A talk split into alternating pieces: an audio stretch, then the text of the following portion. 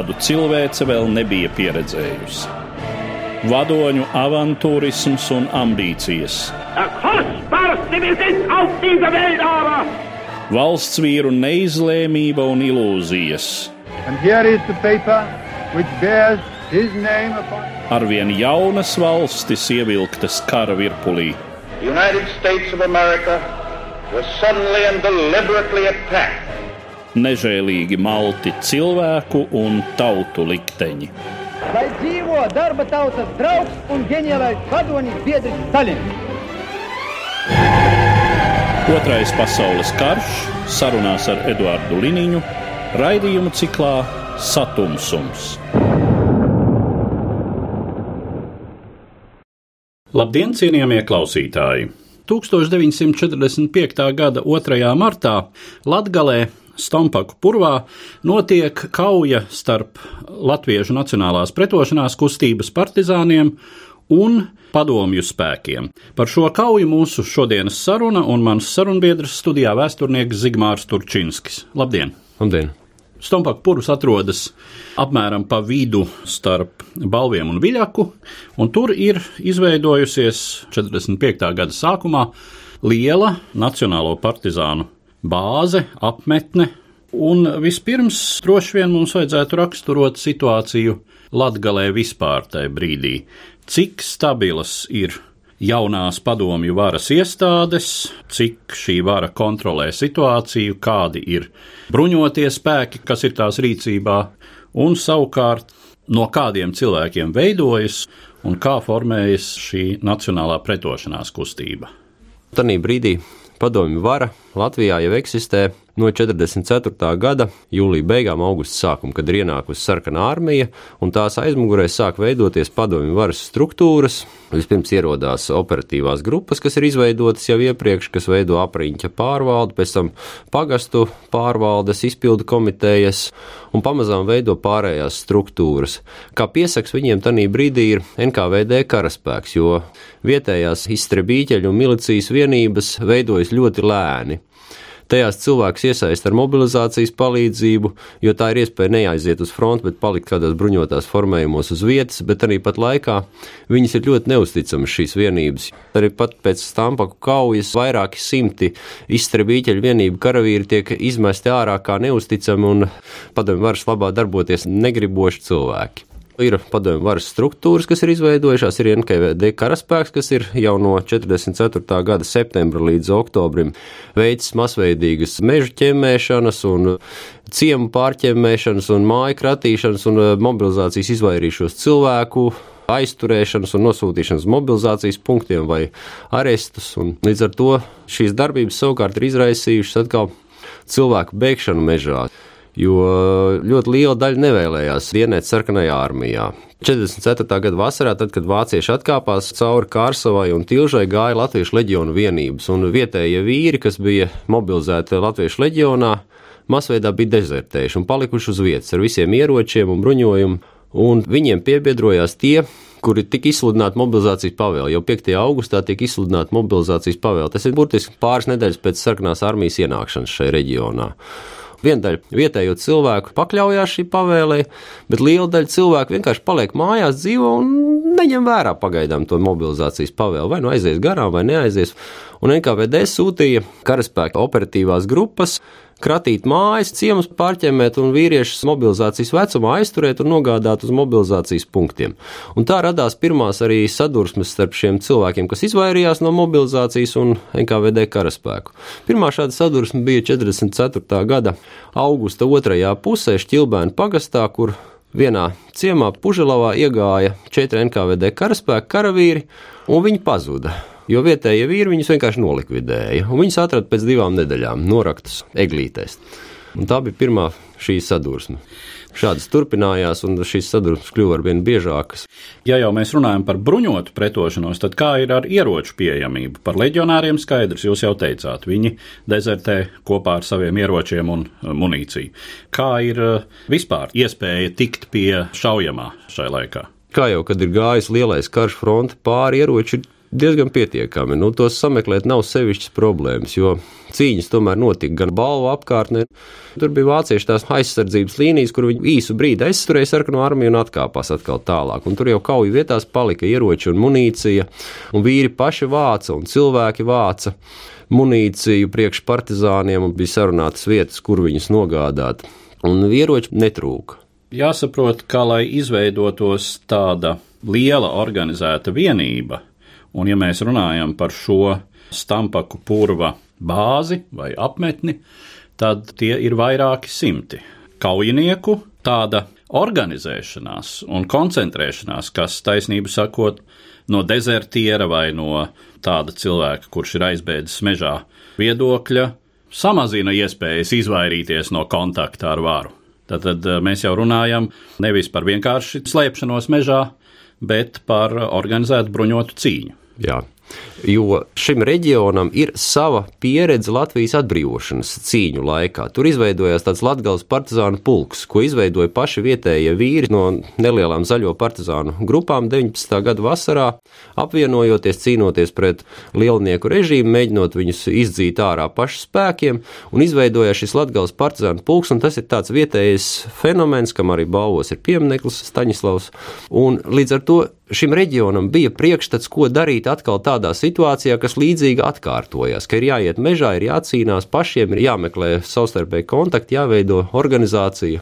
Un ļoti daudz, kur ir teikts, kāpēc es gāju mežā. Tāpēc, ka mans tēvs bija Latvijas partizānu pulkā, un es ja zināju, ka es arī tieši un darbošos tieši tāpat.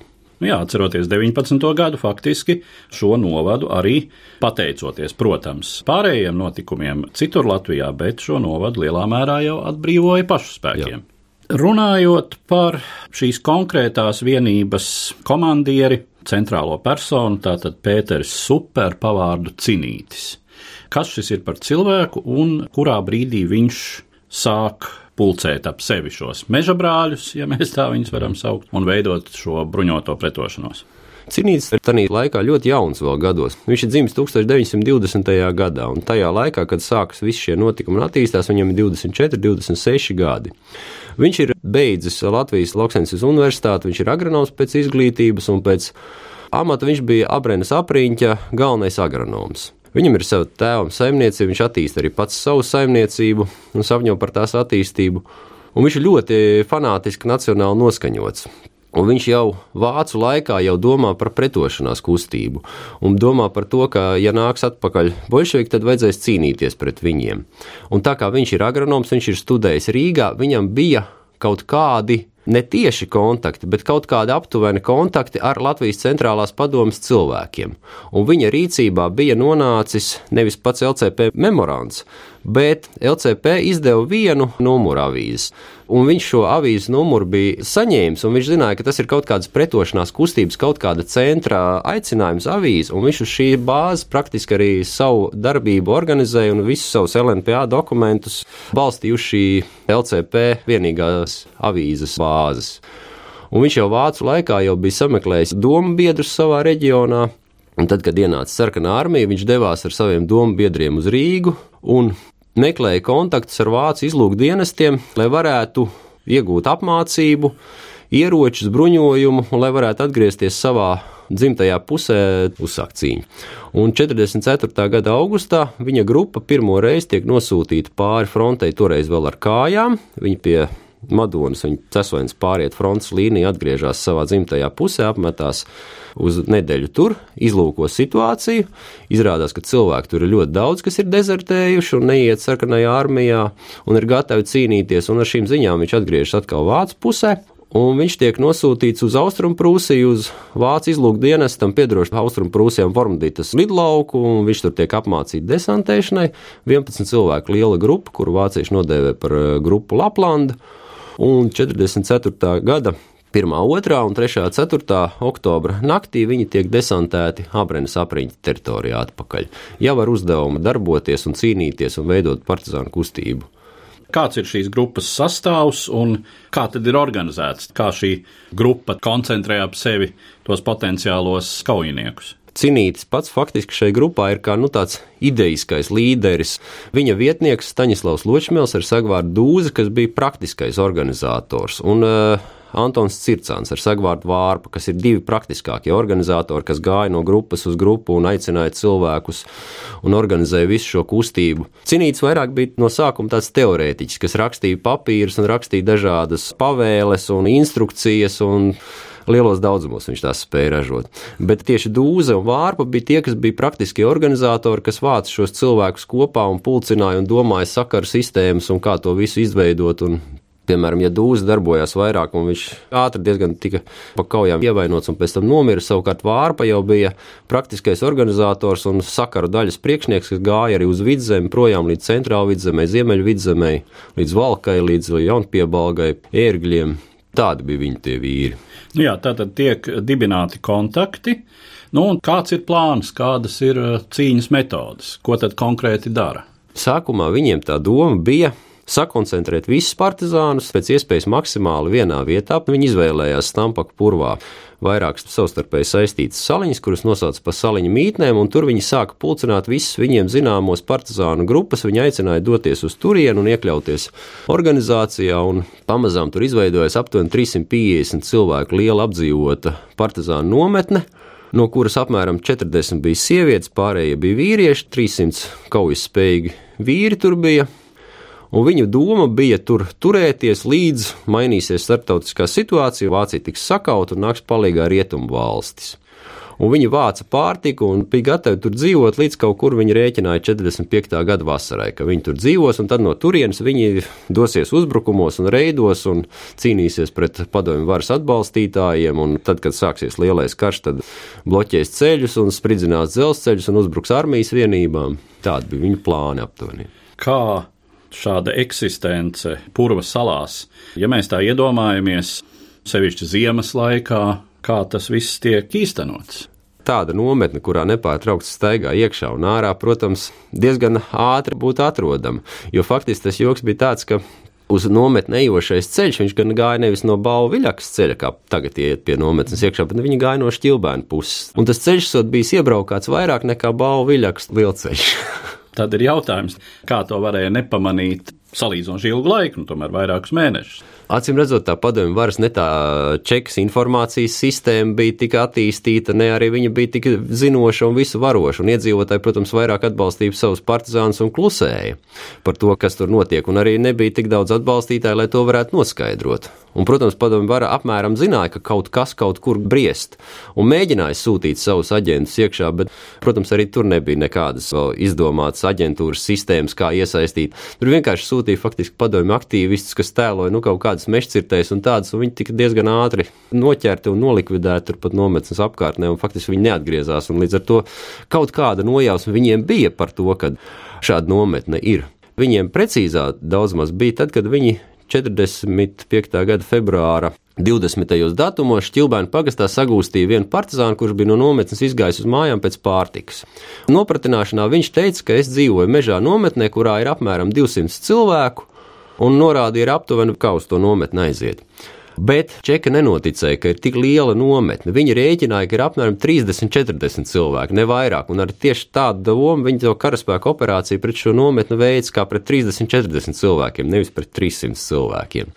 Un savukārt partizāni atkal īsi pirms Stampaku kaujas sagūstīja Abrenes apriņķa sarkanarmijas pretizlūkošanas smerša leitnantu pilnvarotu abrens apriņķī. Un tas viņiem savukārt izstāstīja, ka Čekai ir ziņas, kur atrodas nometne. Un partizāni atkal rēķināja, ka ja mēs esam 300 cilvēki, tātad Čekai ir vajadzīgi nu, vismaz 1000 vai vairāk cilvēku, lai mūsu nometnē uzbruktu. Un viņi gaidīja, kad nāks lielākas karaspēka vienības, kad kaut kas notiks, bet nekas nenotika, jo Čeki vienkārši neticēja. viņi domāja, ka 30, 40 un devās uzbrukumā kā 30, 40 cilvēkiem, nevis 300 cilvēkiem. Vēl pirms mēs runājam par pašu kauju, sakari saiknes ar to brīdi vēl uh, kurzemē esošo vācu karaspēku, vai tās supem un viņa līdzbiedriem saglabājās, vai tur bija kādi kontakti? Nē, pilnīgi nekādu.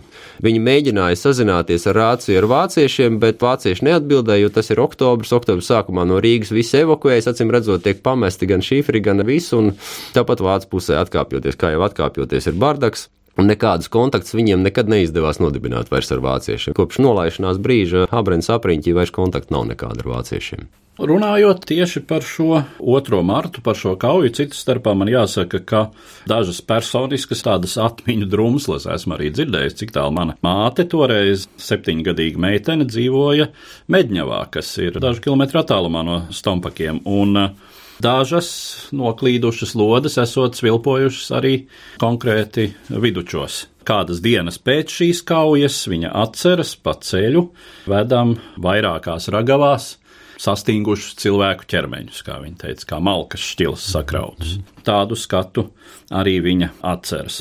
Bet nu neko daudz vairāk. Tātad, kas īsti notiek, ar kādiem spēkiem un ar kādu kaujas plānu, tad uh, Stompaka apkārtnē ierodas padomju varas pārstāvji. 2. martā tika veikta operācija, faktiski divas operācijas. Vienlaikus viņa aplēca visu Stompaku un Brūklāju mežu, sanāk, ja tā rēķina kopā tur visu apkārtni, visus no meža izējošos ceļus viņa nobloķēja, un vienlaikus sūtīja divas karaspēka grupas. Viena bija pret saliņu mītnēm, Stompaku kauju, kur izveidojas, un otra bija Lazdu kalnā. Viņi meklēja vēl vienu tādu garsterdēles grupu, kur nebija pievienojusies Stompaku nometnē, bet tur bija apvienojušies pārsvarā vīri no garsterdēles ciema un vienlaikus tika nosūtīta gan uz turieni, gan uz turieni. Un tā vienība, kas tika sūtīta Brooklyn mežā pret Garstērdēlu, Lazdu kalnu apkārtnē, tā neko neatrada meža pārķemmējot tādā pusē. Savukārt tā vienība, kas tika sūtīta pret saliņu mītnēm, uzdūrās nopietnai pretestībai, kā rezultātā viņiem izdevās ieskriet pirmajos četros bunkuros iekšā, un pēc tam partizāni sāka pretoties, sakārtojās, un rezultātā abas puses iesprūda tais saliņu mītnēs un vairs visu dienu netika ne uz priekšu, ne atpakaļ.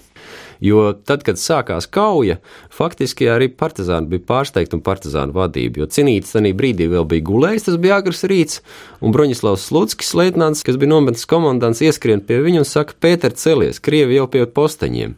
Viņš ir samiegojis, teica, ko tu mūldi, nevar būt. Bet, nu, šaušanu varēja dzirdēt, un tad jā, tiešām nāk virsū.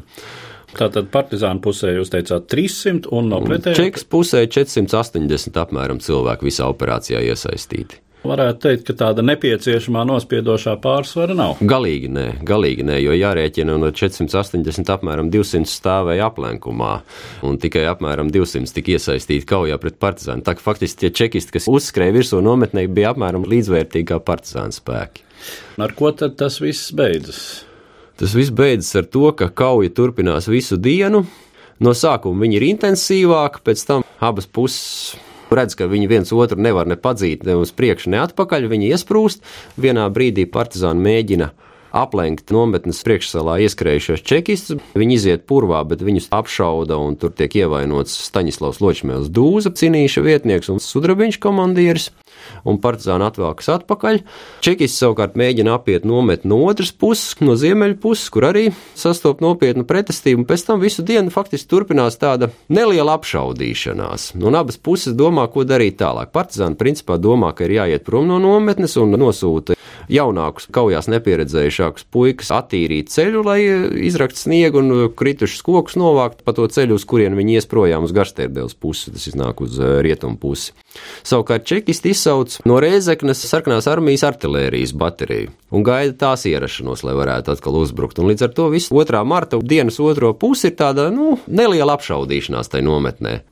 Tad, kad iestājas vakars, tad partizāni savāca savus kritušos, apmēram 13 cilvēkus. Viņi svinīgi viņus apglabā nometnē, turpat un sāk atkāpšanos, tumsai iestājoties. Viņi mēģina vienā vietā tikt pāri ceļam, viņi uzskrien uz čekisti posteņiem, kas sedz ārā ejošos ceļus, pagriežas uz vēl vienu pusi, atkal sastāv pretestību, pēc tam piedzen triecienu vienību ar ātršā vai ložmetēju kalzāņu, tad viņi praktiski izgrieza sev ceļu tai vietā, un tā arī viņi aizgāja uz Bruklāju pusi, uz rietumu pusi. Kādi ir zaudējumi šajā kaujā? Šajā kaujā arī zaudējumi faktiski ir līdzvērtīgi. Partizāni zaudē apmēram 28 cilvēkus, un čekai ir plus mīnus 32 kritušie tad apmēram 60 cilvēki krituši ir. Vai atbilst patiesībai tas, ka tā ir lielākā šāda veida kauja vispār Nacionālās pretošanās kustības vēsturē? Jā, varētu teikt, jo no abām pusēm tik lieli iesaistīties spēki citur nav. Ir bijušas operācijas, kur ir 550 čekisti iesaistīti, bet no partizāna puses tur ir 12 cilvēki. Bet, kad no abām pusēm vairāk simt, tā ir praktiski jā, tāda viena. Kas tad notiek tālāk ar šo vienību? Šī vienība pēc izlaušanās izklīst mazākās grupās, viņi atgriežas tajās nometnēs, no kurām viņi ir nākuši, kur viņiem bijušas iepriekšējās nometnes, pirms viņi ir devušies uz Stampaku saliņu mītnēm. Lielākā no tām vienībām aiziet 70 aptuveni cilvēki uz Grīvas mežiem, tas ir uz Tilžas pagasta dienvidu daļu, kur izveidojas otra nometne, kuru vada kapteinis Ozols, kur īstā personība šobrīd vēl nav noskaidrota. Un tieši Tilžas meža tajā brīdī kļūst par partizānu kustības centru līdz aprīlim, kad viņi paši nolēma, ka tā nometne ir par lielu un kad viņi ir jālikvidē. Taču, ja līdz šim mēs tā esam domājuši, ka pēc tam pa kaujas it kā iestājas klusums, taču faktiski tā nav. Ļoti sīvas kaujas un nežēlīgas sadursmes turpinās vēl visu marta mēnesi. 7. martā Viļakas apkārtnē Melnā rūcīte tas ir aiz vēdeniešiem. Tur bija kauja, kur krīt septiņi partizāni, pēc tam 14. martā Čekistiem izdodas uzbrukt tai nometnē, ko viņi meklēja vienlaikus ar Stampaka nometni garstērdaliešu grupai Brūklāju mežā.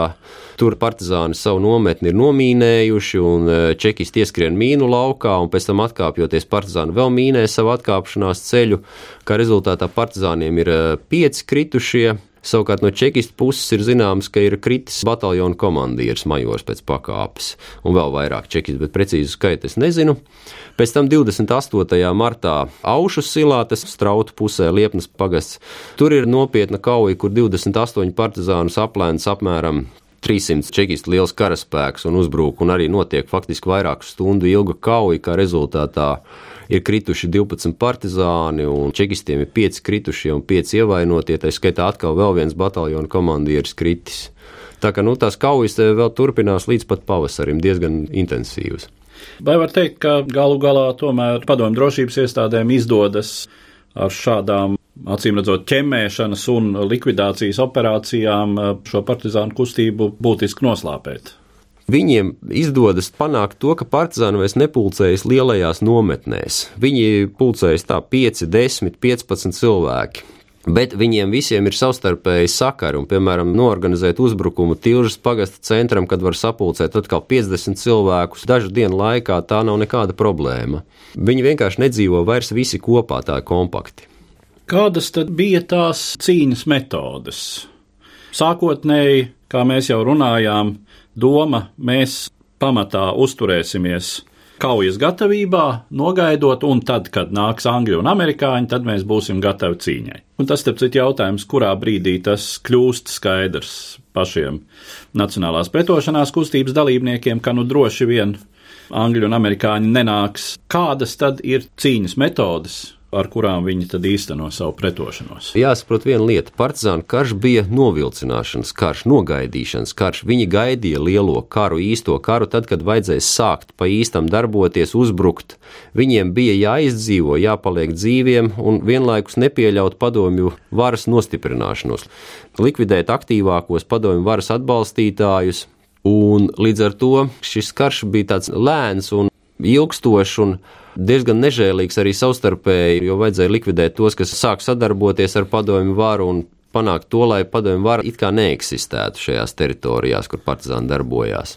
Ja runā par angļu un amerikāņu atbalstu, vai ticēja vai neticēja. Viņi ticēja līdz pēdējiem, pat vēl 50. gados, tie, kas bija mežos, viņi ticēja, un tā bija gandrīz vai tā kā reliģiska pārliecība, ka būs, ka nāks, un tam noteikti ir jānotiek, jo kaut kādam mērķim taču jābūt cilvēks nevar dzīvot bezcerībā partizānu komandieris Kārlis Mūsiņš, Valks pusē. Viņš līdz pat 53. gada septembrim, kad viņu sagūstīja, viņš mācījās angļu valodu, jo tā būs vajadzīga tad, kad nāks rietumu sabiedrotie. Jūs piesaucāt tādu apzīmējumu kā nežēlīga cīņa vienā un otrā pusē. Saprotams, ka, ja ir runa par padomju varas atbalstītāju aktīvistu likvidēšanu, tas ir, varētu teikt, zināms tāds pilsoņu kara elements, jo tie jau arī ir padaļai droši vien vietējie, pret kuriem vēršas, piesaucot manas mammas atmiņas. Tās, protams, ir personiskas atmiņas, par kurām grūti spriest par ticamības līmeni, bet gadījumi, kad ne tikai pašu, bet arī ģimeni nolikvidē, iebrūk mājās, netaupa nevienu, kas tur atrodas. Ko mēs par to varam teikt? Es negribētu lietot vārdu pilsoņu karš vai pilsoņu kara elementi, jo pilsoņu karš ir tad, ja sabiedrībā pastāv būtisks pretrunas starp dažādām sabiedrības grupām, kuras tiek risināts ar vardarbības palīdzību. Latvijā pirms okupācijas nekādu pilsoņu kara elementu vai tādu pretešķību, kuras būtu jārisina ar vardarbības palīdzību, nepastāvēja. Tās bija okupācijas sekas, kad teritorija ir okupēta, kad okupācijas režīms spiež cilvēkus sadarboties. Vieniem ir jābēg, lai varētu izvairīties no arestiem, no deportācijām. Viņi ir iedzīti izmisumā, viņiem ir jāmēģina sevi aizstāvēt. Nu, kā viņi var aizstāvēt? Viņi var tikai mēģināt nogalināt tos, kas viņus ir nodevuši, kas sadarbojas ar padomju varu. Tas ir okupācijas sekas, nevis pilsoņu karš. Tas, ka Krievijas propaganda to mēģina pasniegt, ka jums bija pilsoņu karš, tad mēs nonākam pie tā, ka 40. gadā bija sociālistiskā padomju revolūcija. Es arī to teikdams nekādā ziņā nedomāju, ka kaut kādi pilsoņu kara Jā. priekšnoteikumi būtu bijuši Latvijā Jā. pirms padomju okupācijas 40. gadā. Kas bija tie padomi varas elementi, pret kuriem un kādā veidā tad cīnījās? Tie pārsvarā bija tieši tie, kas iesaistījās padomu izpildu varas orgānos, izpildu komitejās. Tie bija tie, kas stājās komjaunatnē vai komunistiskajā partijā vai izstrebīķeļos, un tie, kas attiecīgi līdz ar to pildīja padomu varas pavēles un piedalījās arestos, deportācijās, kolhoz dibināšanās, atkulakošanās, nu, tie arī attiecīgi pēc tam varēja par to nopelnīt no partizāniem. Tāpat arī otrs aģentūras vervēšana, kad cilvēki tiek spiesti sadarboties. Visbiežāk jau spiesti sadarboties ir tie, kas arī paši pirms tam ir bijuši mežā, ir iznākuši ārā, jo nav redzējuši vairāk iespēju turpināt šo cīņu, un, lai izvairītos no ārēsta vai pasargātu savu ģimeni, viņš atkal ir spiests sadarboties, partizāns atkal mēģina izdzīvot un mēģina savu ģimeni pasargāt, un šādu cilvēku atkal mēģina atrast un nogalināt. Tas ir, protams, ārprātīgi nežēlīgas lietas, un tur var aiziet cilvēki līdz galējībām, sargājot savu ģimeni un paši sevi. Jā, tas arī ir tas, ko es pirmām kārtām domāju, sakot, pilsoņu kara elementi. Mm -hmm. Pilsoņu karam raksturīgas savstarpējas apkarošanās formas. Jā, bet to izvarēja okupācija, nevis eh, pretrunas sabiedrībā. Jā.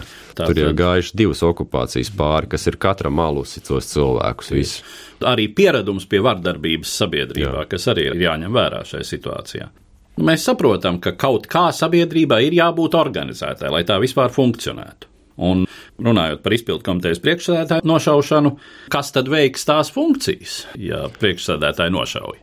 Atsūtīs nākamo, protams. Tāpēc jau arī pastāv tas jautājums, kāpēc vienu izpildkomitejas priekšsēdētāju nošaus un otru nenošaus. Tā robeža starp to darbību, kuras viņš veids, tāpēc, ka viņam viņas ir jāveic, un kuras viņš veids, tāpēc, ka viņš tic komunismam, piemēram, par ko šaut vai nešaut arī. Nu, tāds šķilbēna pagasta parturks Rasolo, šausmīgs, smieklīga persona.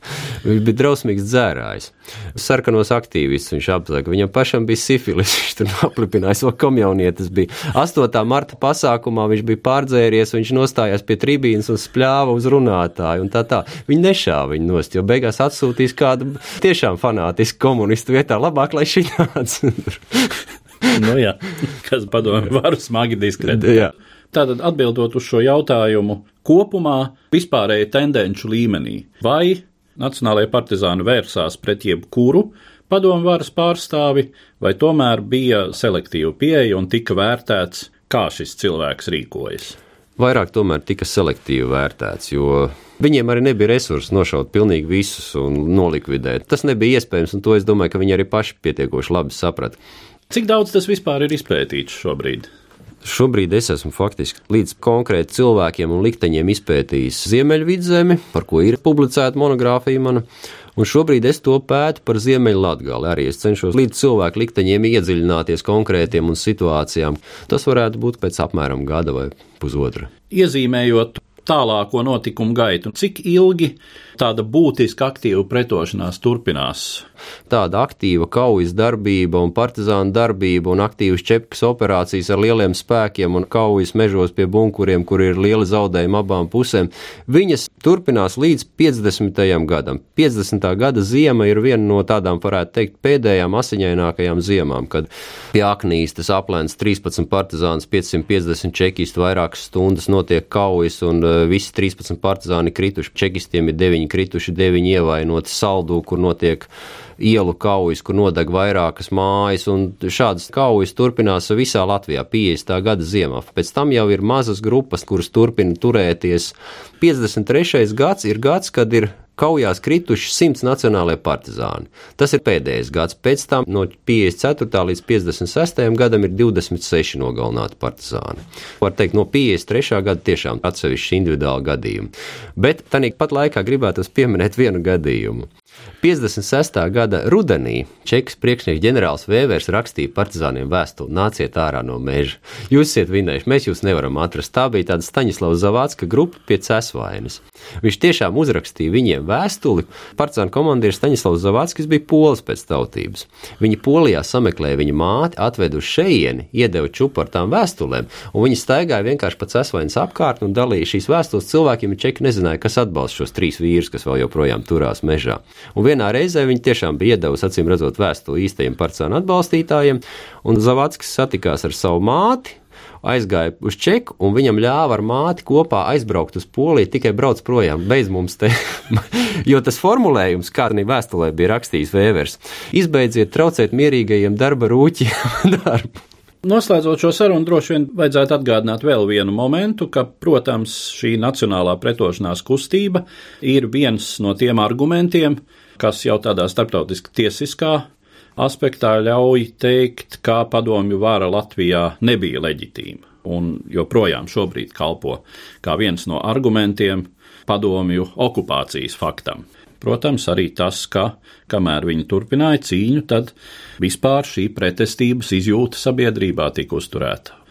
Ar to tad eh, mēs arī noslēdzam mūsu šodienas sarunu, kas bija veltīta kaujai Stompaku purvā 1945. gada marta sākumā, un es saku paldies manam sarunbiedram, vēsturniekam Zigmāram Turčinskim. Raidījumā šīs dienas acīm cikls Satumsums - sarunas par Otro pasaules karu.